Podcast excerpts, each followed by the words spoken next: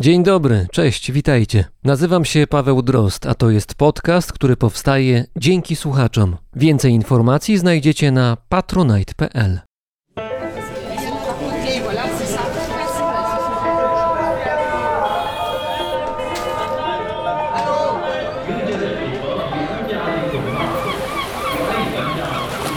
Brzmienie świata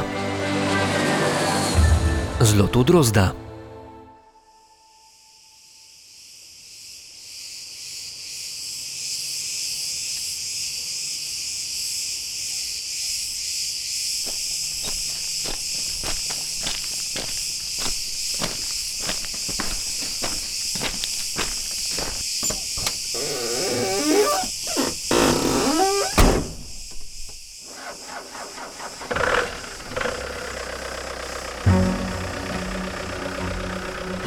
Kierowca rzucił nerwowe spojrzenie na przestrzeń dookoła.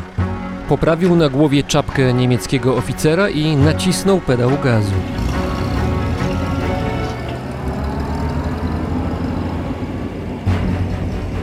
Opel Admirał zareagował natychmiast i ruszył do przodu. Ta luksusowa limuzyna była typowym pojazdem służbowym niemieckich oficerów wyższej rangi. Nie był to co prawda Mercedes-Benz 770, samochód, którym poruszał się sam Führer oraz jego przyboczni, a także sprzymierzeńcy Hitlera, Mussolini i cesarz Hirohito, ale i tak Opel Admirał radził sobie na drodze bardzo dobrze. Mocny silnik mógł rozpędzić go do prędkości ponad 130 km na godzinę. Była noc, więc nie mogli jechać aż tak szybko, chociaż wskazówka prędkościomierza utrzymywała się w górnej części skali. Z tyłu siedział generał. Na to wskazywał jego mundur. Jednak właściciel tej odzieży nie siedział na wygodnej kanapie, ale leżał na podłodze, związany.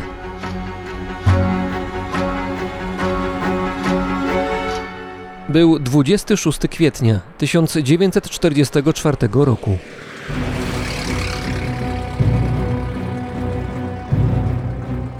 Z mroku przed pędzącym Oplem wyłoniło się światło, które wkrótce urosło na tyle, by można było dostrzec pomalowaną w biało-czerwono-czarne pasy budkę strażnika.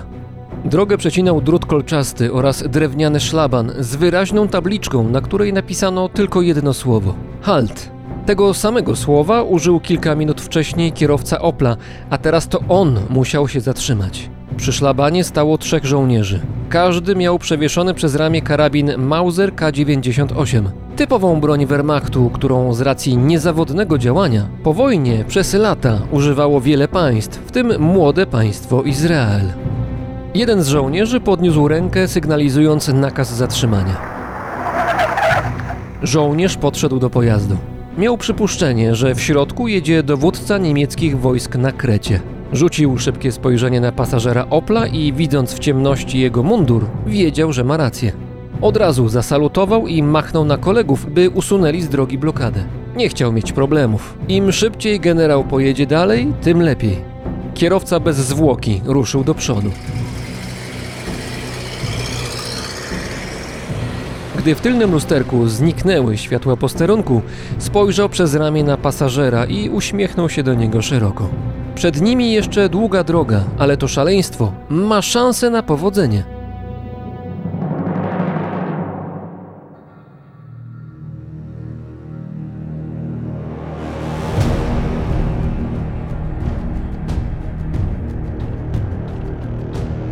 W II wojnie światowej Grecja stanęła po stronie aliantów i już w kwietniu 1940 roku została zajęta przez wojska Osi. Do pełnego sukcesu brakowało jeszcze Krety.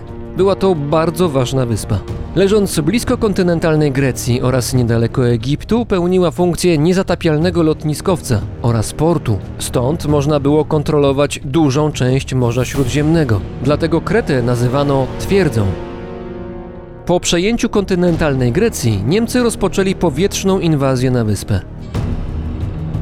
Znajdowały się tam resztki armii greckiej oraz oddziały brytyjskie. Rok wcześniej, podczas ewakuacji z greckiego wybrzeża, poniosły ciężkie straty. W wyniku niemieckich bombardowań na okręty i statki ewakuacyjne zginęło wtedy blisko 5 tysięcy ludzi. Walki na Krecie trwały ponad tydzień i zakończyły się wycofaniem większości aliantów do Egiptu. Niemcy przejęli kontrolę nad Kretą, a Kreteńczycy stworzyli sprawny i aktywny ruch oporu. Współpracowali przy tym z brytyjskim Kierownictwem Operacji Specjalnych SOE SOE było agencją rządu w Londynie. Agenci tej organizacji realizowali tajne akcje wywiadowcze oraz wspierali ruchy oporu w krajach okupowanych przez państwa osi. W przypadku Grecji odpowiednią jednostką była ta z siedzibą w Kairze. Tam najważniejszymi agentami byli Stanley Billy Moss oraz Patrick Lee Fermor. Mieszkali razem w opuszczonej kairskiej willi, gdzie ich współlokatorką i współpracowniczką była Polka, Zofia Tarnowska. Wcześniej pracowała w Czerwonym Krzyżu, a później została żoną Mossa. W 1944 roku w kairskiej willi Moss i Fermor, zwany Padim, stworzyli plan porwania dowódcy niemieckich wojsk okupacyjnych na Krecie, generała Heinricha Krajpego. Gdyby akcja się powiodła, byłby to propagandowy sukces, który wzmocniłby zarówno Kreteńczyków, jak i Brytyjczyków. Plan, realizowany we współpracy z ruchem oporu na Krecie, dostał zielone światło z Londynu i obaj panowie zabrali się do dzieła. Moss był już na wyspie, a Fermor, Paddy, trafił tam jako spadochroniarz.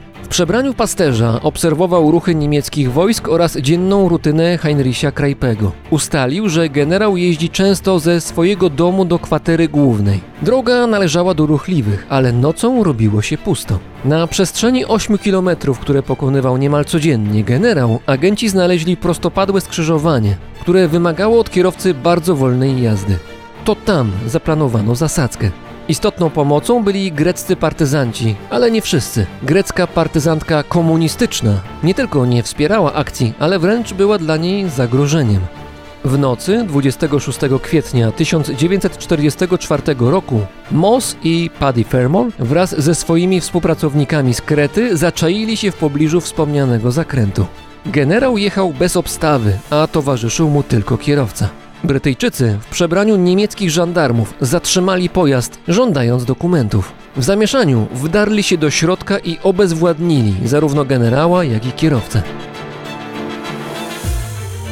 Jednak to była dopiero połowa sukcesu. Grupa zatarła ślady po ataku i wsiadła do samochodu generała. Jeden z Brytyjczyków założył jego ubranie, a tymczasem sam generał Heinrich Krajpe zmuszony był leżeć na podłodze za tylnym siedzeniem. Teraz trzeba było przejechać przez niemieckie posterunki drogowe, zanim Niemcy zorientują się w sytuacji. 22 posterunki. Brytyjscy agenci mieli zarówno tupet, jak i szczęście. Fermor mówił po niemiecku, co ewidentnie pomagało. Wykorzystał też opinię, która krążyła wokół generała Krajpego. Uważany był za gbura i furiata, dlatego niemieccy żołnierze starali się schodzić mu z drogi. W ten sposób większość posterunków Brytyjczycy i porwany przez nich generał przejechali nawet się nie zatrzymując. Po dotarciu do kryjówki samochód przetransportowano na wybrzeże. Wewnątrz agenci celowo pozostawili dokumenty, które sugerowały, że porwany Niemiec trafił na pokład brytyjskiego okrętu podwodnego i że nie ma go już na wyspie. W rzeczywistości ewakuacja całej grupy miała nastąpić po drugiej stronie wyspy. Porywacze wraz z ich więźniem musieli przejść przez góry i spędzili trzy tygodnie ukrywając się w jaskiniach. W tym czasie Niemcy zrozumieli, że stracili dowódcę i rozpoczęli intensywne poszukiwania, w które zaangażowanych było co najmniej kilkanaście tysięcy ludzi. Porywacze mieli zamiar uciec na niewielkiej wojskowej łodzi patrolowej, jednak było im niezwykle trudno ustalić dokładny czas i miejsce spotkania. Problem rozwiązali kurierzy greckiego ruchu oporu, którzy obserwowali okolice i pieszo donosili najnowsze informacje. W końcu, w nocy 14 maja, Moss, Paddy Fermor, ich współpracownicy oraz generał Heinrich Krajpe weszli na pokład brytyjskiej jednostki i bezpiecznie dotarli do Egiptu.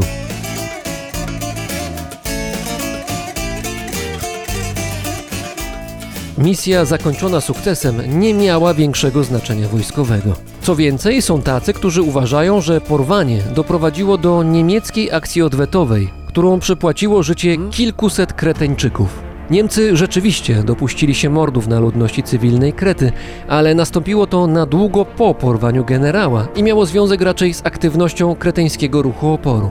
Heinrich Kreipe został przesłuchany i do 1947 roku był brytyjskim więźniem. Uznano go za oficera niezaangażowanego w ideologię III Rzeszy. W 1972 roku Heinrich Kreipe oraz czterech członków kreteńskiego ruchu oporu, którzy byli jego porywaczami, spotkali się w studiu greckiego talk show.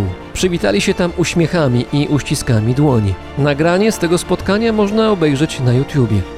Wróćmy jednak do brytyjskich agentów, do Mossa i Fermora, ponieważ były to nietuzinkowe postaci, szczególnie ten ostatni, o czym za moment. Stanley Billy Moss urodził się w Japonii ze Związku Rosyjsko-Brytyjskiego. Mając 18 lat zamieszkał na Łotwie, a gdy na miejscu pojawiła się Armia Czerwona, przez Skandynawię wrócił do Wielkiej Brytanii, gdzie został żołnierzem. Sławił się brawurowymi atakami na oddziały niemieckie w Grecji. Jako agent COE pracował też w Indiach i Tajlandii. Po wojnie prowadził wojskowe śledztwa. Ich celem było m.in. odnalezienie zgromadzonych przez niemieckich oficjeli oraz Bank III Rzeszy bogactw, które zaginęły w niejasnych okolicznościach. Dużo podróżował. Brał udział w wyprawach polarnych na dalekiej północy oraz w Antarktyce. Był też żeglarzem. Osiadł na Jamajce, gdzie zmarł w wieku 44 lat. Pozostawił po sobie kilka książek i opowiadań. Patrick Lee Fermore dla przyjaciół Paddy. Był dzieckiem bardzo niesfornym i trudnym. Tak przynajmniej określało go otoczenie. Miał opinię włóczy kija, który lubił znikać w leśnych ostępach. Jak sam wspominał, był matematycznym antytalentem, za to chętnie czytał i studiował literaturę, również klasyczną. Posługiwał się łaciną i greką. Od wczesnych lat wykazywał pasję do pisania. Pisał pamiętniki oraz wiersze. Za łamanie zasad wyrzucano go z kilku szkół, a swoim zachowaniem budził zgorszenie wśród dystyngowanych przedstawicieli brytyjskiej socjety. Jak pisał przełożony internatu, w którym mieszkał Paddy, stanowi niebezpieczną mieszankę wyrafinowania i brawury, co budzi niepokój, że może mieć zły wpływ na innych chłopców. W grudniu 1933 roku, gdy w Niemczech władzę sprawował już Adolf Hitler, Paddy wyjechał z Londynu. Mając przy sobie niewiele pieniędzy, rozpoczął zaplanowaną wcześniej podróż przez Europę. Od Holandii, przez Niemcy, Węgry, Rumunię, Bułgarię, aż do Konstantynopola. Z założenia miała to być powolna, piesza podróż. Zajęła mu ponad rok. Przemierzając Europę, prowadził dokładne notatki, w których uwidaczniały się literackie talenty soczysty język, zdolność obserwacji oraz charakterystyczny styl. Jego książki, głównie autobiograficzne, wejdą później do klasyki literatury podróżniczej najwyższego sortu.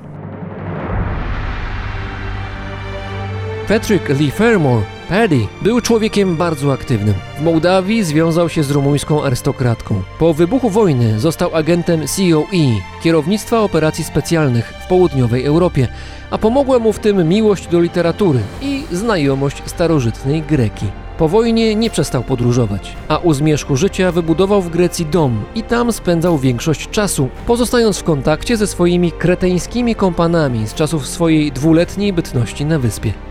Był częstym gościem na salonach, pisał książki, ale sławę zyskał przede wszystkim jako symbol wolnego człowieka. Człowieka, który przemierza bezdroża, chodzi po górach, śpi w jaskiniach albo pod gołym niebem, a w wolnych chwilach w oryginale czyta antyczną klasykę. Podobno, przepływając w pław cieśninę dardanelską, spotkał przez przypadek rosyjski okręt podwodny. Pisał wiersze, śpiewał piosenki do improwizowanych tekstów, pijał gin z tonikiem, a gdy w latach 80. zachorował na raka, nie poddał się i zwycięsko wyszedł z choroby. Wielu uważało, że mimo upływu czasu wciąż ma w sobie duch szesnastolatka. Żył pełnią życia. Zmarł w 2011 roku w wieku 96 lat.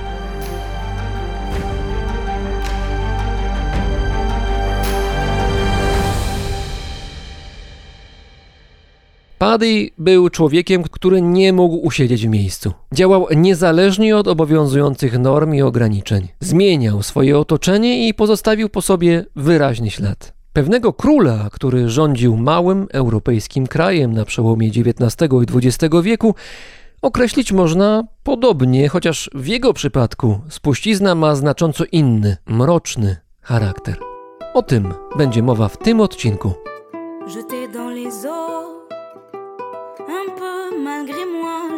Si fort que je me perds un peu parfois qui on est où l'on va.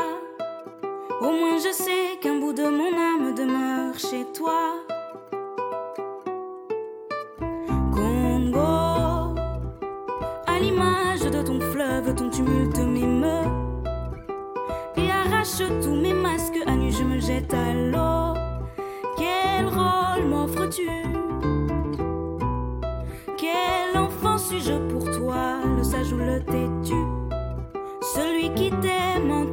désolé, je dis le sais-tu?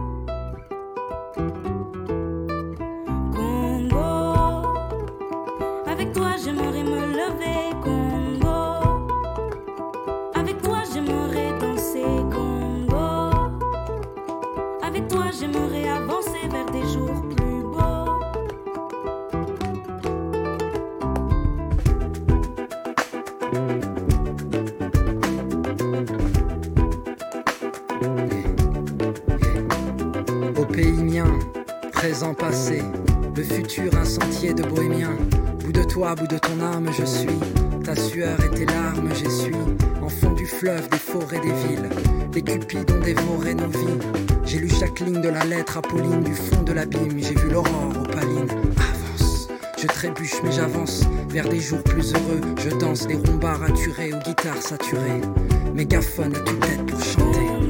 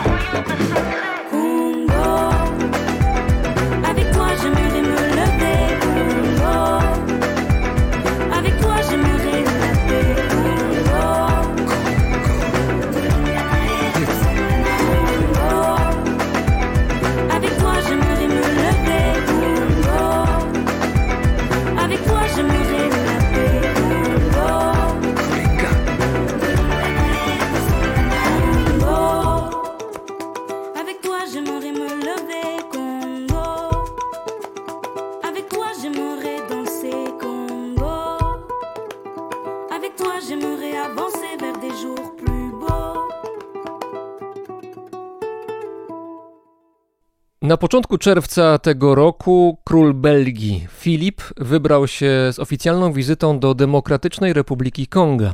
To jego pierwszy wyjazd do tego kraju. W Kinszasie, w kongijskim parlamencie, wygłosił przemówienie, w ramach którego wyraził najgłębszy żal z powodu ran przeszłości. Tak to określił. W ramach tej samej wizyty król przekazał kongijskim władzom rytualną maskę, która z Konga została zabrana przez Belgów 100 lat temu.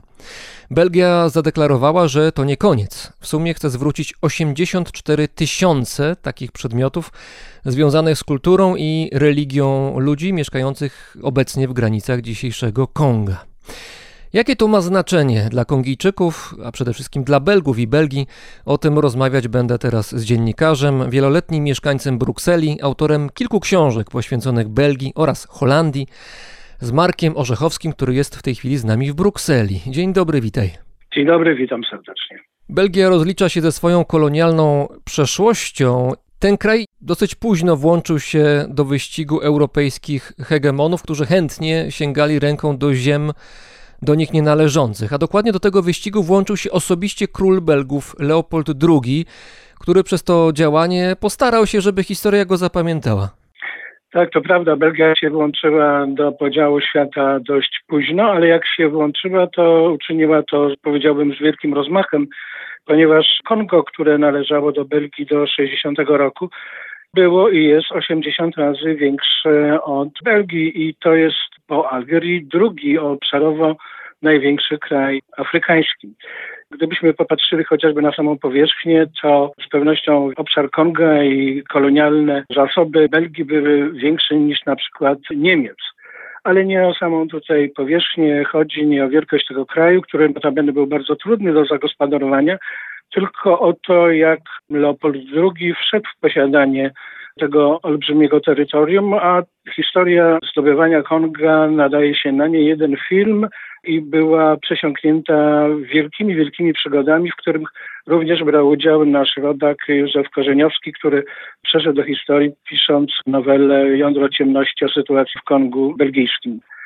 Gorączka kolonialna nie była w XIX wieku czymś nadzwyczajnym w Europie czy na świecie zaczęła się od tego, że już Leopold I, ojciec Leopolda II, pierwszy król Belgów, wprawdzie rządził małym krajem, ale miał wielkie ambicje i te ambicje przekazał swojemu synowi, który większość swoich młodych lat, dopóki nie ożenił się, spędził w podróżach po świecie, właściwie był wszędzie.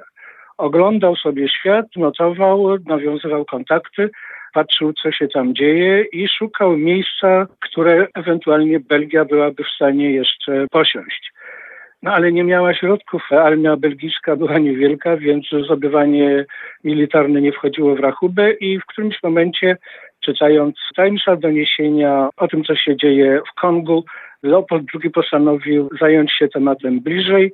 Afryka Południowa nie wchodziła w rachubę, Japonia też pilnowała swoich terytoriów, Azja była za daleko, Kongo no w sumie też nie blisko, ale rzucił okiem na Kongo również z tego powodu, że mocarstwa kolonialne nie interesowały się środkiem centrum Afryki. Jeżeli były wstępne kolonie, Anglicy się interesowali wschodnim wybrzeżem Afryki, w głąb nie zaglądali i ta sławna podróż wędrownika i odkrywcy Livingstona prowadziła właśnie przez najbardziej tajemnicze i niedostępne zakątki Afryki i to bardzo pobudzało wyobraźnię Leopolda i postanowił zająć się zdobyciem tego terenu. To jeszcze trzeba w ramach ciekawostki powiedzieć, że Leopold II zanim skierował swoje królewskie oczy na Kongo, na dzisiejsze terytorium należące do Konga, to brał pod uwagę wstępnie nawet Singapur, gdzieś na Fidżi zerkał łakomym okiem. Tak, tak, tak. Było parę takich fantastycznych, bardzo w sensie nierealnych zupełnie pomysłów z jego strony, ale rzeczywiście Kongo było w zasięgu ręki.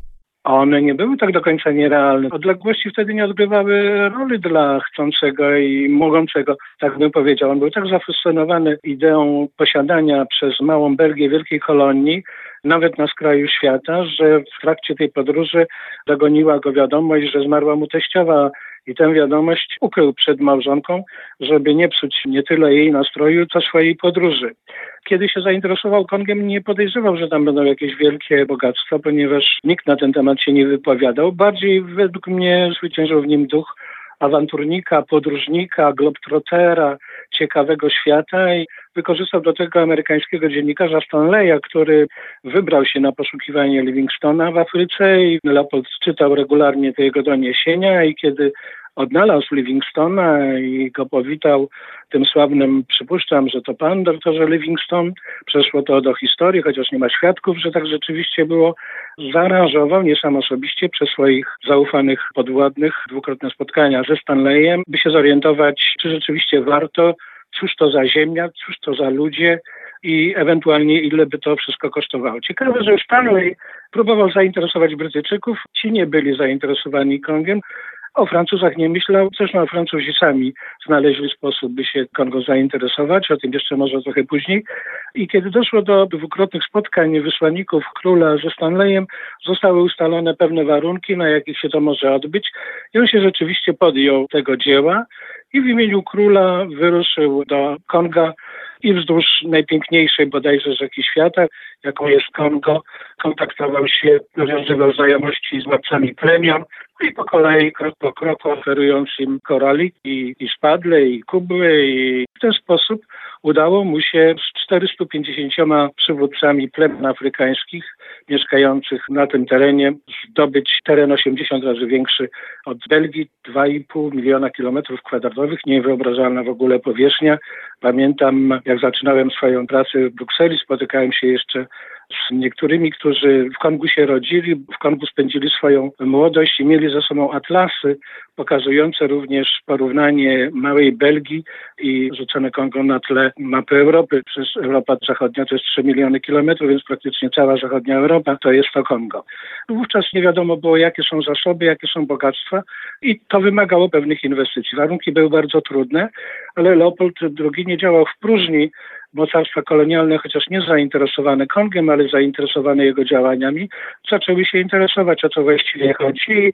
I w 1885 roku doszło do sławnej konferencji kolonialnych mocarstw w Berlinie, zwołanej przez kanclerza Otto Bismarcka, by uzgodnić już między sobą podział świata, no i wyrazić się co do planów Leopolda II, który do tego klubu się jak gdyby dołączył. I pod naciskiem zarówno Turcji, jak i Stanów Zjednoczonych konferencja w sumie zgodziła się na to, by Leopold II przejął Kongo i uzgodniono status, status tego miejsca, czyniąc z Konga prywatną własność Leopolda II, który no, w końcu też i wydał sporo pieniędzy, żeby Kongo otrzymać. A jednocześnie Kongijczyków nikt nie pytał o zdanie, czy się zgadzają, żeby być czyjąś własnością. A w ogóle wspomniałeś wcześniej o tym, że Leopoldem II kierował taki zmysł awanturniczy, czy szukał, nie wiem, przygody, jakieś podniety, ale też czytałem o tym, że być może jedną z jego motywacji było to, że on chciał być królem w starym stylu. No wtedy to już Europa wchodziła w drugą połowę XIX wieku, to był zmierzch monarchii jako takiego systemu klasycznego,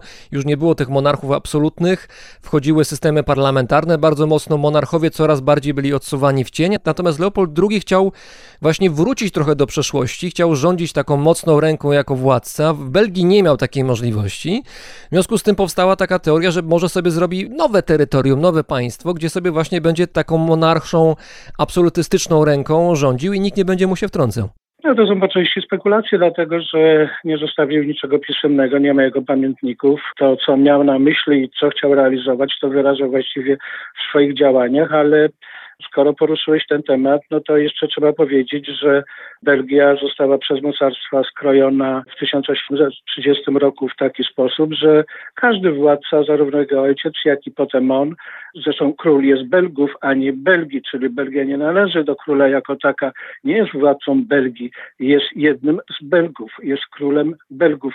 I konstytucje, które wówczas zapisano, ograniczają niezwykle władzę króla i każdy na tronie, właściwie nie ma nawet tronu tutaj w Belgii, nie ma insygnium władzy w postaci jabłka, berła. A jakiś zamek ma pałac obecny król? Oczywiście, że pałaców tu nie brakuje królewskich.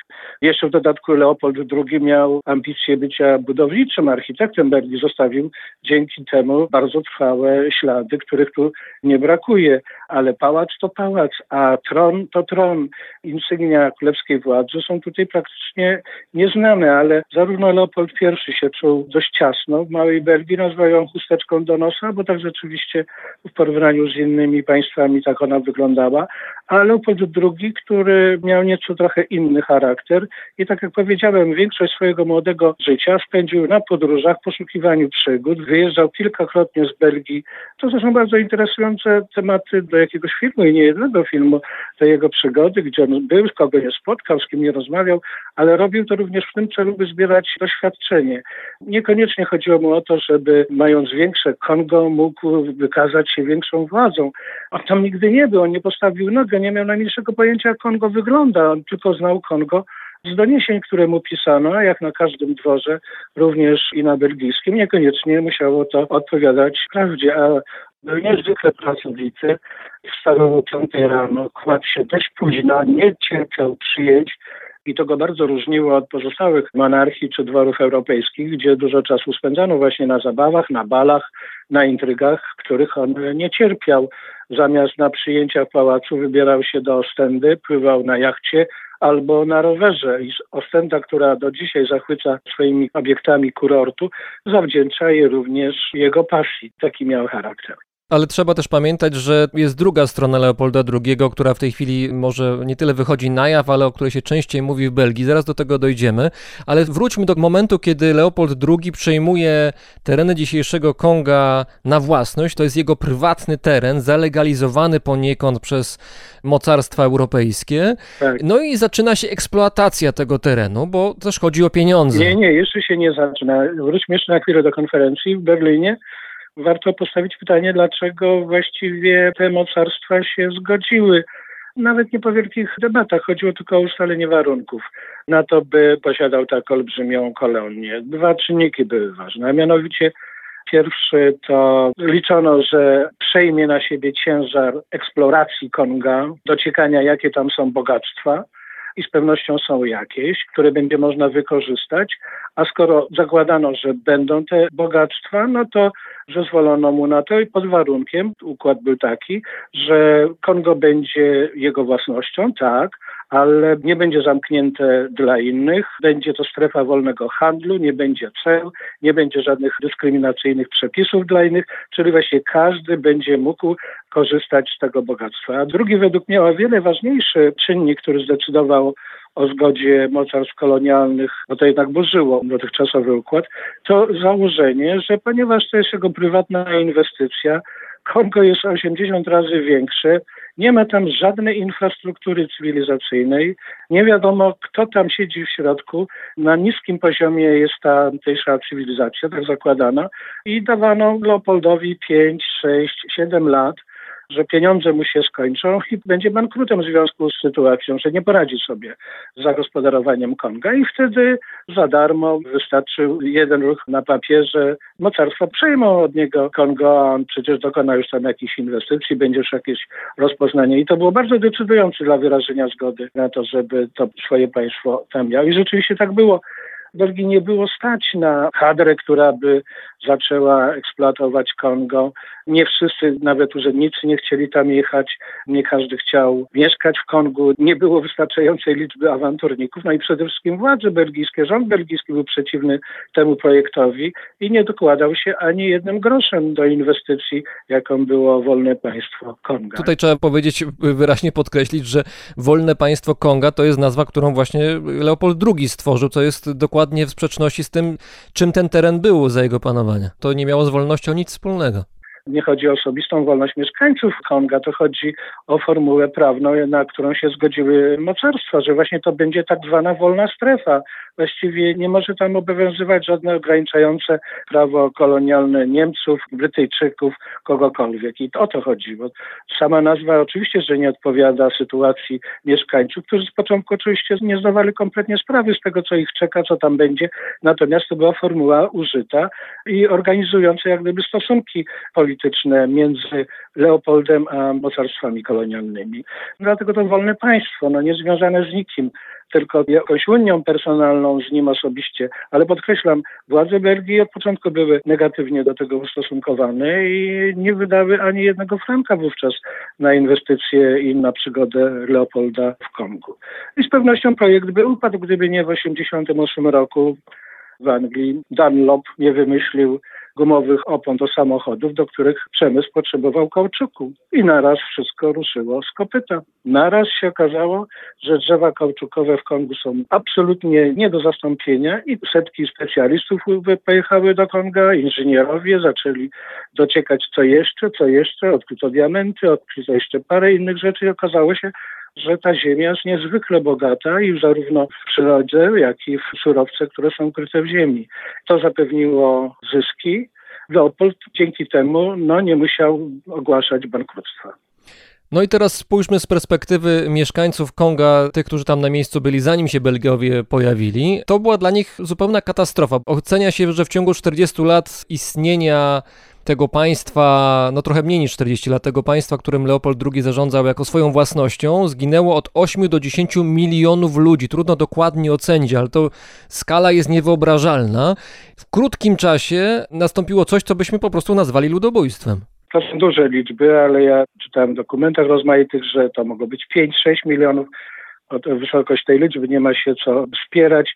Ktoś kiedyś rzucił, Anglicy rzucili 10 milionów i tak to kursuje i tak to już zostało i, i nawet dzisiaj, teraz przy podróży Filipa do Kongi też prasa pisała o 10 milionach. 5-6 milionów to też nie jest mało, to też jest straszne i tutaj nie pomniejsza absolutnie znaczenia przestępstw, zbrodni, które były popełniane i które się w końcu złożyły na tę liczbę. Trzeba pamiętać jeszcze, jaka to jest epoka. Przemysł stawał na nogi, nowe wynalazki, świat zupełnie się zmieniał na oczach. To, co dzisiaj dla nas jest oczywiste, samochody, jak one działają, to wtedy miało swój początek. Kości słoniowe, które masowo przywożono z Afryki, również właśnie z Konga, ale nie tylko z Konga. Dzisiaj to jest przestępstwo, dzisiaj o tym nikt nie pamięta, ale przecież wszystkie fortepiany, klawisze miały z kości słoniowej kiedyś. Inaczej sobie nie wyobrażano, nie było plastiku, nie można było tego zastąpić. W wielu domach być może znajdą się jeszcze jakieś figurki, jakieś bibeloty z kości słoniowej, co oczywiście jest dzisiaj przestępstwem. Tamta epoka była taka nawet późniejsza. Sam Hemingway, który w Afryce był jak w domu, zastrzelił jakieś 1500 zwierząt na polowaniach, był fanatykiem polowań. Sam jeden Hemingway zlikwidował tysiące zwierząt, a takich Hemingway było wtedy więcej, więc to dzisiaj jesteśmy wrażliwi, inaczej na to patrzymy, a wtedy to była jak gdyby oczywistość. Świat potrzebował coraz więcej kauczuku i coraz więcej kauczuku trzeba było dostarczać. Ale też z drugiej strony, kiedy do Europy zaczęły docierać informacje o tym, jakie no, zbrodnie były dokonywane w Kongu, jak niewyobrażalnie duża skala była tych zbrodni tam na miejscu, to nawet biorąc pod uwagę to, co powiedziałeś, że czasy były inne, inna była wrażliwość Europejczyków w stosunku do Afryki, no bo o tym głównie mówimy, to nawet wtedy rozpoczęło się coś w rodzaju presji na Leopolda II, żeby no, przestał i w efekcie tego on sprzedał tą swoją własność i sytuacja w Kongu jakoś się poprawiła po mniej więcej 30 latach. Tak, zostawił w spadku. Ale jeszcze wróćmy na chwilę do tamtych dni. Leopold nigdy nie był w Kongu. Tysiące awanturników, ludzi, którzy tutaj nic do roboty nie mieli, ze złymi charakterami, spadło na Kongo i robiło to, co chciało. Ale też nie bez przyczyny sprawą się zajęli Brytyjczycy, którzy sami mają na, to się o tym przecież nie mówi, Imperium Brytyjskie to przecież nie jest dzieło dżentelmenów, którzy siedzieli w klubie w Londynie i o piątej herbatę pili, zadowoleni, że panują nad światem. Nie, nie, tam też sporo się polało krwi i w tym samym czasie, kiedy Leopold miał duże problemy u siebie w Kongu, Winston Churchill, młody porucznik w Sudanie walczył z powstańcami, chwalił się, że z karabinu maszynowego w ciągu pięciu godzin zastrzelono, zabito tam 37 tysięcy żołnierzy, że tak po prostu jest. No więc... Są bardzo wyraźne dowody w różnych tekstach, które Churchill zostawił, że no, był po prostu rasistą i tutaj trudno z tym dyskutować. No widzisz, ale obraz Brytyjczyków, jeśli chodzi o kolonializm, jest troszeczkę wybielony, natomiast całe odium spadło na Belgów, a spadło między innymi właśnie przez Brytyjczyków, bo cała kampania antybelgijska podjęta została w Londynie, w prasie angielskiej. Niewiele się o tym mówi, ale Kongo to nie tylko Kongo belgijskie. Po drugiej stronie Konga jest Kongo Brazzaville. No. E, inne Kongo, francuskie, w którym się działo dokładnie to samo. W tym czasie, kiedy Stanley był zainteresowany Kongiem i szedł do góry rzeki, inny wysłannik, oficjalny wysłannik rządu francuskiego, Braza, zajął się tą częścią Konga i tam też był kauczuk. W identyczny sposób zdobywano kauczuk, jak i w Kongu Leopolda, jednak się o tym nie mówi. Belgia była za mała, Leopold był nielubiany w kręgach monarchicznych, uchodził za dziwaka, za zarozumialca i nie miał, mówiąc dzisiejszym językiem, Belgia nie miała dobrego PR-u i padała ofiarą każdej kalumnii, co nie tłumaczy złych zjawisk, które miały miejsce. Tutaj trudno podważać, że te zbrodnie się odbyły i Belgowie brali w tym udział. Osobiście urzędnicy czy przedstawiciele wysłani, może nie osobiście przez Leopolda, ale no generalnie w jego imieniu działali tam i dokonywali zbrodni. To jest fakt. Tak, to prawda. Nie sami, bo tam byli Amerykanie, tam byli praktycznie wszyscy, ale wychodzi na to, że w Kongu Leopolda każdy mógł robić co chce. Chodziło tylko o zdobycie jak największej ilości kauczuku, bogactw i tak dalej. No i te pierwsze problemy zaczęły się właśnie w portach angielskich, gdzie napływały te bogactwa. Anglia dominowała wtedy w handlu i do Rotterdamu i również do Antwerpii, no wprawdzie belgijskiej, ale tam Brytyjczycy rządzili. No i to się tak rozeszło i zostało już że sami bandyci, których tam nie brakowało oczywiście, władze belgijskie, które nie miały z tym nic wspólnego, postanowiły interweniować. No i w końcu doszło w 1908 roku do odkupienia. Właściwie Leopold podarował to Kongo Belgii te wszystkie bogactwa, które zdążył nagromadzić, sobie nie zatrzymał nic. Notabene wszystkich też wydziedziczył po kolei i jak Belgia przejęła, to oczywiście zmieniły się stosunki i warunki życia. W bardzo krótkim czasie rozwinięto system oświaty, szpitalnictwo. W okolicach już I wojny światowej Kongo było najbardziej rozwiniętym krajem Afryki z rozwiniętym systemem komunikacyjnym, łączności, oświaty i szpitalnictwa. I tak się powoli zaczęło budowanie świadomości wśród Kongojczyków. No a potem przyszła epoka już w ogóle dekolonizacji.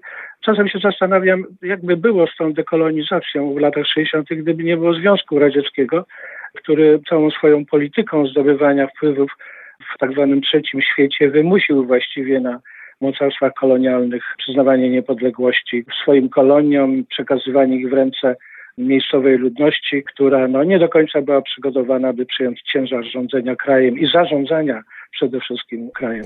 Jeszcze chciałbym wrócić do tego momentu, kiedy Belgia przejęła Leopolda II kraj, bo mówisz o tym, że poprawiło się dużo, jeżeli chodzi o infrastrukturę. Te straszne rzeczy, które się działy za Leopolda II zostały no, jakoś poważnie ukrócone. Było lepiej, to fakt, ale z drugiej strony ja bym chciał się zatrzymać na chwilkę na roku 1958, to na bodaj dwa lata przed niepodległością Konga, kiedy w Brukseli odbyło się takie wydarzenie, które się nazywa Expo, no taki rodzaj wystawy światowej, której Belgia była gospodarzem i tam między innymi miało miejsce coś takiego, co się nazywało Kongorama. Nie wiem, czy o tym słyszałeś. To była taka sytuacja, kiedy... Nie, to było wcześniej. To była wystawa światowa za Leopolda II. Nie, nie, to były dwie rzeczy. W 1958 roku też coś takiego miało miejsce, z tym, że wtedy sprowadzono Kongijczyków teoretycznie jako wolnych ludzi, to nie byli niewolnicy tak jak za Leopolda II, bo ty rozumiem, że nawiązujesz do tak zwanych ludzkich zoo, kiedy ludzie byli, Afrykańczycy tak, byli, tak, Leopolda. tak, byli ściągani do Europy, do Brukseli i jak zwierzęta pokazywani Tak, jako tak, ciekawostki zwierzęce właśnie, nawet nie ludzkie.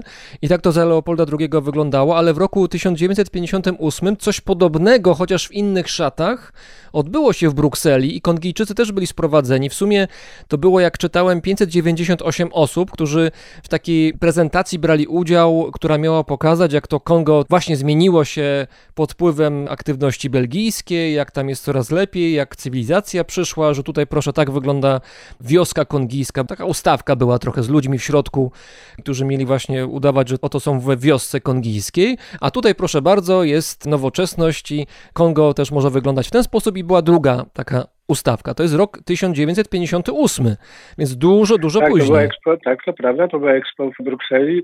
Do dzisiaj są ślady tego Expo, gdzie ono było na północy Belgii, olbrzymie terytorium, masa hal wystawowych i tak dalej. Ja bym tego ustawką nie nazwał. To były czasy, kiedy Kongo już oficjalnie należało do Belgii, więc skoro była prezentacja Belgii jako takiej, to nie mogło zabraknąć również prezentacji Konga jako takiego. Kongo wtedy było prowincją. Mamy rok 2018 i otwiera swoje podwoje odnowione Królewskie Muzeum Afryki Centralnej w Brukseli, które zaczyna przedstawiać historię Belgii w kontekście Afryki Centralnej właśnie trochę w inny sposób, właściwie bardzo w inny sposób, bo zaczyna pokazywać to, co Belgia też złego robiła tam na miejscu. Czy to jest ten moment, kiedy w Belgii rozpoczyna się na poważnie dyskusja na temat kolonialnej spuścizny tego kraju?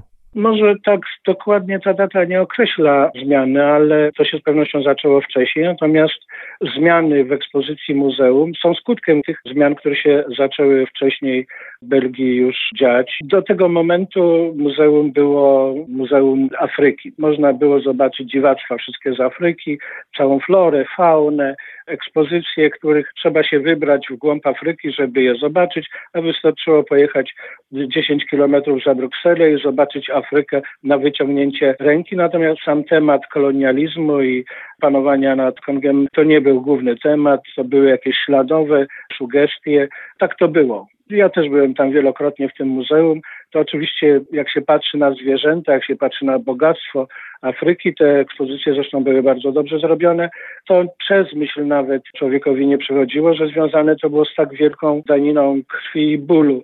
Chikotę, ten sławny Page, którym bito Kongryjczyków, raz był, raz go nie było, ze skóry krokodyla, specjalna preparacja.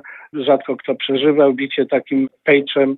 Ja go raz widziałem, potem on zniknął, ale to oczywiście nie było to, co odpowiadało rzeczywistości Konga, bo to było takie trochę jak człowiek idzie do cyrku, żeby zobaczyć zwierzęta, których na co dzień na ulicy nie ma. I się wszystko podoba, bo to kolorowe, inne od tego, do czego jesteśmy przyzwyczajeni.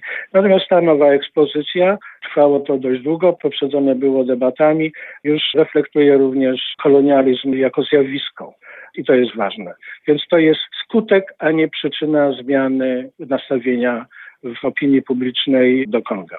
Leopold nie był to król do przytulania, to był król obcy właściwie dla większości. On był sopkiem, on był zamknięty. Z jego monarszego serca nie było żadne ciepło, nie miał kontaktu ze społeczeństwem belgijskim, więc te wszystkie obciążenia, które wówczas już były czytelne, no w jakimś sensie się wyładowały podczas jego pogrzebu.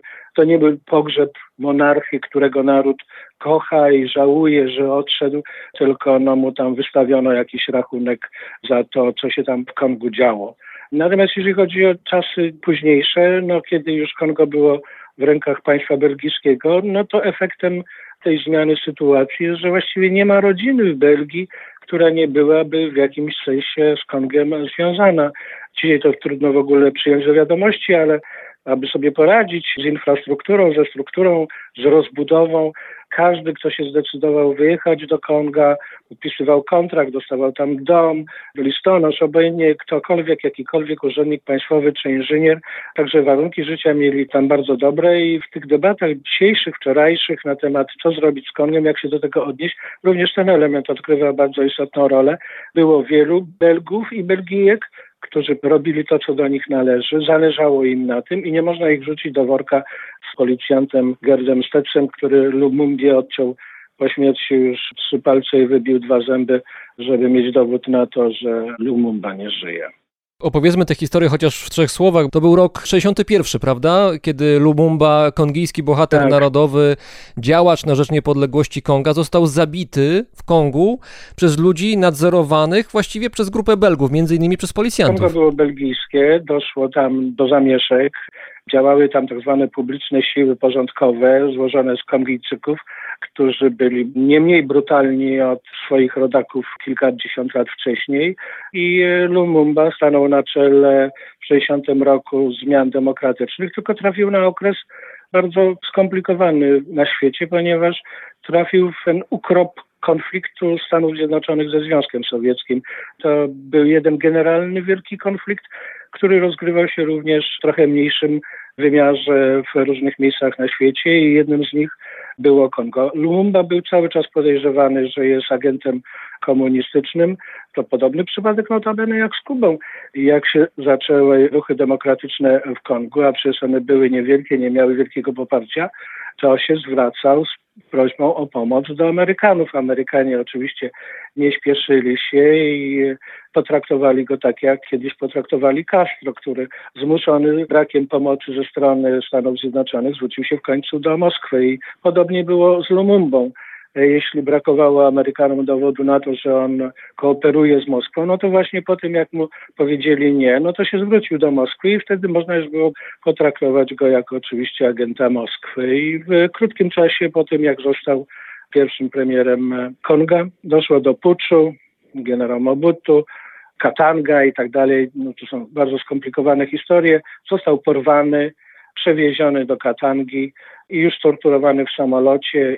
Dzisiaj historycy już nie mają żadnej wątpliwości. Zarówno Belgia o tym wiedziała i król ówczesny Baudouin, jak i oczywiście CIA była w akcji w sprawie i, i go tam zabito, a ponieważ Kongo było belgijskie, struktury były jeszcze belgijskie, policja była pod kontrolą funkcjonariuszy belgijskich, no to oczywiście paru tam przy tym było, byli świadkami i oczywiście mogli przeciwdziałać temu, no ale to nie odpowiadało kursowi. No i jak już go zastrzelono na skraju dżungli, no to jeszcze na dowód tego, że nie żyje, to niejaki Gert Schroeter, muszę sprawdzić to nazwisko, z Brugi obciął mu te trzy palce i wyrwał mu te dwa zęby.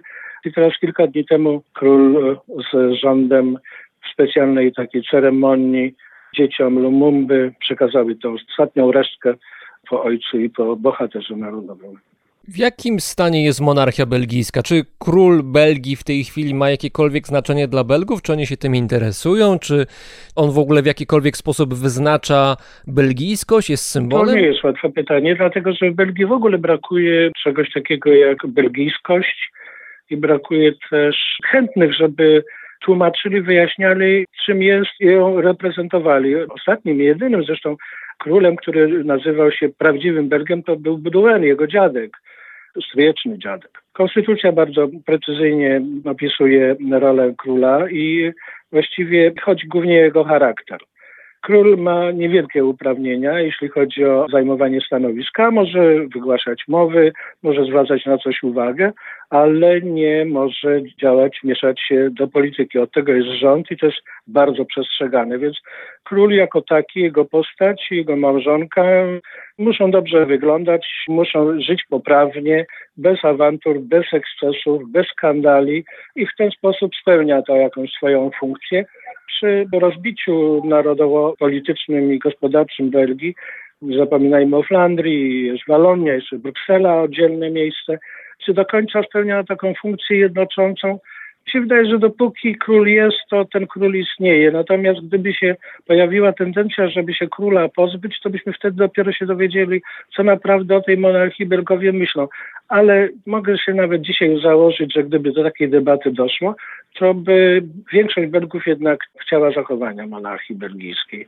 Dlatego, że to jest bardzo skromna monarchia. Filip, tam jego monarchia spokojna, nie wtrąca się, właściwie nikomu nie przeszkadza. No i też nie wykazuje jakichś aspiracji do, do bycia ponad kimkolwiek, bo nawet nie mógłby tego zrobić. No ale jest. Więc mówię, dopóki jest, to jest, a byśmy się naprawdę dowiedzieli, czy jest potrzebny, czy nie jest potrzebny, czy może ktoś inny byłby lepszy. No teraz będzie królowa po nim, jak abdykuje.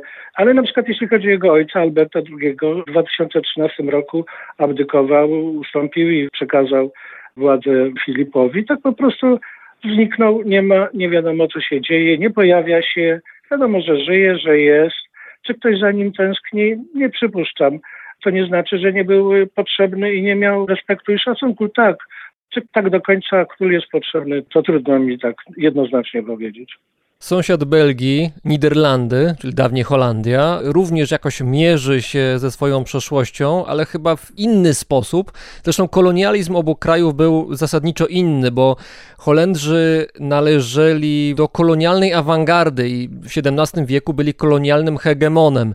Surinam, dzisiejsza Indonezja, Afryka Południowa, Nowa Gwinea, Tak. Curacao, to właśnie dzięki tym miejscom Holandia zbudowała swoją potęgę. To dzięki handlowi niewolnikami, dzięki handlowi przyprawami, trzciną cukrową Holandia zbudowała swoje słynne kanały, a niektórzy Holendrzy stali się wtedy najbogatszymi ludźmi swoich czasów. No tutaj mówimy o wieku XVII, tak zwanym Złotym Wieku. No i tutaj znowu pojawia się muzeum, holenderskie Muzeum Narodowe tym razem w Amsterdamie, bardzo popularne miejsce, gdzie kilka lat temu też zmieniono część wystawy i zaczęto pokazywać ten złoty wiek holenderski, wiek XVII, już troszkę inaczej.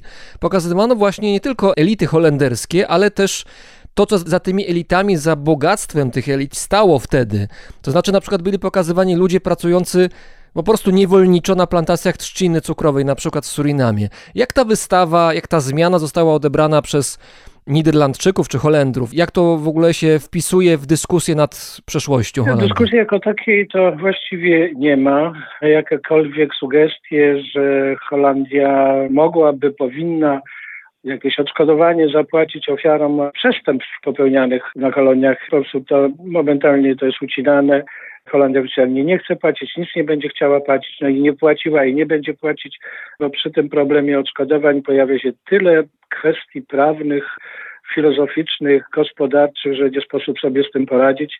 Nie wiadomo po prostu nawet, jak ten problem załatwić. Generalnie we wszystkich tych państwach które miały kiedyś kolonie. Stanowisko jest takie, że nie płacimy, poza tym komu dzisiaj indywidualnie, na przykład ofiarom sprzed 200 lat, 150 lat, komu jakiekolwiek odszkodowanie wypłacić, więc No ale wiesz, ale mamy tutaj kazus Niemiec, bodaj z zeszłego roku, którzy zaczęli płacić potomkom ofiar ludzi, którzy zostali zabici w wyniku działań niemieckich wojsk w Namibii, prawda? Tam odszkodowania jakoś podobno nieduże, biorąc pod uwagę skalę przeszłości, ale, ale jednak te odszkodowania były, więc Niemcy postanowiły iść inną drogą, a rozumiem, że Niderlandy wybrały raczej tę standardową opcję, to znaczy trochę udajemy, że nic się nie stało. Przypadek niemiecki jest inny jak zwykle z Niemcami, dlatego że na Niemczech ciąży też trochę co innego niż na, na Holandii. Niemcy poza krótkim zresztą okresem, kiedy posiadały kolonie, które im zostały zabrane po I wojnie światowej, mają dzisiaj trochę też inne obciążenie historyczne i jest bardzo łatwo jest, może nie łatwo, w inny sposób jest prowadzona debata, bo ona się nie ogranicza tylko do tego, co się kiedyś wydarzyło 150 lat temu, czy 200, tylko ma się w głowie jeszcze mm, te świeższe zdarzenia. Ale też i rozmiar, słusznie zauważyłeś, tak, Niemcy się odniosły do tych przestępstw, do tych zbrodni, które na grupie narodowej Herero i Nama w Namibii miały miejsce. Uznane to zostało oficjalnie jako ludobójstwo. No i postanowiły Niemcy wyciągnąć z tego wniosek, ale to nie jest żadna wskazówka dla sąsiadów Holendrów, którzy rzeczywiście jak żaden inny naród w Europie tak się nie wzbogacił na swoim kolonializmie jak Holandia. No poza Wielką Brytanią oczywiście. No ale wróćmy z kolei do tamtych lat. Złoty wiek w malarstwie pojawił się nie dlatego, że Holandia miała kolonię, tylko po prostu przyszedł taki moment, że geny jakieś w Holendach się odezwały i naraz się okazało, że tam tysiące doskonałych malarzy mieszka. Oczywiście pojawił się również i rynek. A no właśnie, musieli być ludzie, którzy mieli ciężkie pieniądze, żeby być mecenasami tych artystów, żeby mieć pieniądze, żeby kupować ich dzieła, żeby to się rozwijało cały tak, czas. Paweł, to prawda, ale my patrzymy dzisiaj na Rembrandta i widzimy miliony, jak Rembrandt malował, czy Van Gogh to milionów z tego nie miał, to były minimalne ceny. To No było, tak, tak, tak, W tak. biedzie, wielu z nich w biedzie żyło, prawda? I dlatego więcej dużo malowali, żeby z tej biedy jakoś wyjść. Dzisiaj są inne ceny. Natomiast bez tej inicjatywy, bez tego uporu i bez charakteru Holendrów, no nie wyobrażam sobie, że świat musiał wtedy jakoś funkcjonować. Im potrzebni byli odważni, tak samo Portugalczycy do dzisiaj uważają, że niczego nie zrobili, że właśnie dzięki temu, że byli odważni, dzielni, że się nie bali morza, eksplorowali morze, docierali do zakątków. Podobnie Holendrzy. Cały handel z Indiami opierał się na, na Holendrach. Dzisiaj wspólnoty europejskie i każde inne transatlantyckie łagodzą rozmaite spory, ale wtedy nie było takich wspólnot, więc również musieli toczyć spory i walki z Brytyjczykami na morzu, zazdrosnymi również handlującymi i z Portugalczykami musieli się uporać i tak dalej. Ale dzięki temu rozwijała się Europa. Przywożono rzeczy, których u nas nie było, natomiast wywożono rzeczy, które produkował już przemysł i e, Holendrzy pod tym względem wykazali się niezwykłym charakterem, bo nawet poradzili sobie z zamkniętą Japonią, do której nie mogli się dostać. Żadna obca stopa nie mogła stanąć na tej ziemi. No to usypano wyspę specjalną przed wybrzeżem japońskim i statki dopływały do tej wyspy, a z tej wyspy Japończycy zabierali to, co chcieli. To dlatego Holendrom się to chyba udało, że Holendrzy jako jedni z niewielu Europejczyków w tamtym czasie, im zależało przede wszystkim na handlu. Tak. Biznes się miał kręcić, a nie Tak, jakaś tam religia, tak. jakieś idee. Nie, no chodzi o biznes, dokładnie handel. Tak, dokładnie tak. A czy dzisiaj jest inaczej? Też handel się opiera na wymianie i na zysku, prawda? Więc oni to wszystko doskonale widzieli. Stąd ta pierwsza giełda w ogóle europejska w Amsterdamie, wprowadzenie kwitów zamiast gotówki. Cały system właściwie obrotu handlowego to jest zasługa holenderska. Jeśli trochę pływasz na wodzie, to wiesz, że również i język żeglarza jest językiem holenderskim. To mają Holendrzy bardzo duże zasługi w tej dziedzinie. Byli właściwie we wszystkich zakątkach świata, niczego się nie obawiali, z każdym się dogadali, bo im nie chodziło o zmianę tam zastanego systemu, tylko o wymianę. My mamy to, wydajecie to. Ale też trzeba powiedzieć, że czasami ogniem i mieczem przekonywali ludzi, na przykład na terenie dzisiejszej Indonezji, do swoich racji. Tak, tego się oczywiście nie dało wykluczyć, ale wszystko się odbywało według takiego wzorca kolonialnego. Biały to był biały, więc miał oddzielną infrastrukturę.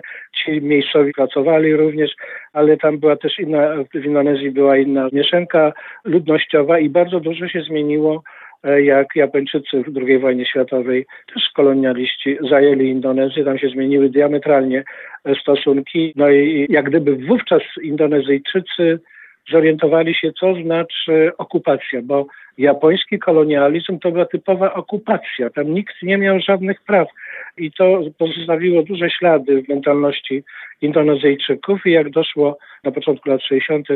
w tym okresie dekolonizacji do zamieszek, no to również Holendrzy pokazali, co znaczy karabin, wojsko i tak dalej. No ale tak to jest z wojskiem. No jak się z tym rozliczono? No właściwie się rozliczono tak po holendersku. No wiemy, co się wydarzyło, no ale to już historia minęło, nie ma co wracać. Jeżeli teraz możemy w jakimś sensie się odnieść do tego, no takąś inwestycją, znowu handlem i tak dalej, ale wyrzutów sumienia właściwie nikt wielkiego nie ma i tak to jest nie tylko w Holandii, ale i we Francji, i w Portugalii, ale na przykład i też podczas tej ostatniej wizyty króla Filipa w Kongu. Sam prezydent Konga Tshisekedi nie odnosił się w ogóle do tych rzeczy. Już wcześniej się nie odnosił, jak dostał dwa lata temu list od króla. I właściwie to cały czas sugerował, że nie, nie, nie, oni nie potrzebują żadnych przeprosin. I mało tego, cały czas mówi o tym, że nie chcemy stać w przeszłości, że to nam do niczego nie jest potrzebne, że teraz musimy, i to jest nasz obowiązek, spoglądać w przyszłość. I tak właściwie jest, że to dzisiaj, co Belgia może Notabene ponad miliard euro w budżecie Belgii jest rocznie przeznaczone na Kongo na rozmaite, na rozmaite rzeczy. Więc teraz możemy tylko patrzeć w przyszłość, bo przyszłości tak nie zmienimy. Wnioski zostały wyciągnięte i tak dalej. To też nie są łatwe sprawy, bo mamy do czynienia z innym poziomem kultury politycznej, z obyczajem i przyzwyczajeniami. Na przykład kasa belgijska wysyła tam pieniądze na jakieś projekty, no a pan prezydent, żeby mu parlament za bardzo nie podskakiwał, to każdemu posłowi kupił samochód za 50 tysięcy euro. I załatwił sprawę opozycji w parlamencie. Może taka wskazówka dla każdego innego parlamentu. Razem z nami w Brukseli był dziennikarz, autor kilku książek poświęconych Belgii oraz Holandii, jednym słowem Marek Orzechowski. Bardzo dziękuję. Dziękuję.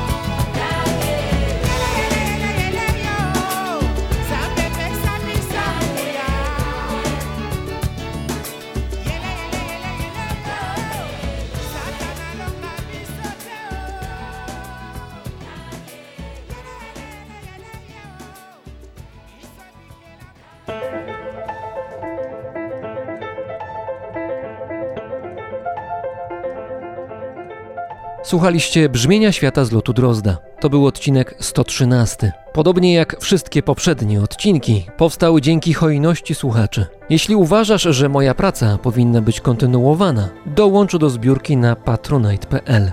Dziękuję za każdą wpłatę. Dziękuję również światoczułemu patronowi Brzmienia Świata, firmie Ergo Ubezpieczenia Podróży.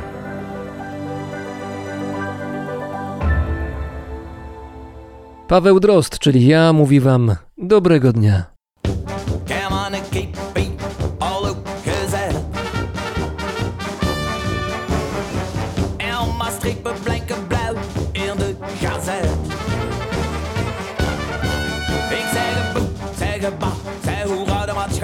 Geef alle geld maar af, dan spuurt het ook wel door de erbij. Zeg stil, zeg stop, zeg geef maar allemaal op.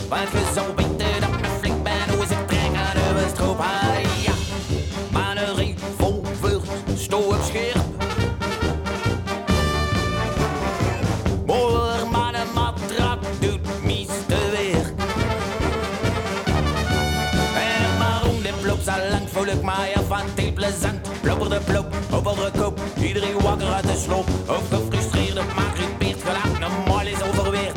Zat genoeg op de mataar. Daarmee krijg ik altijd trottoir.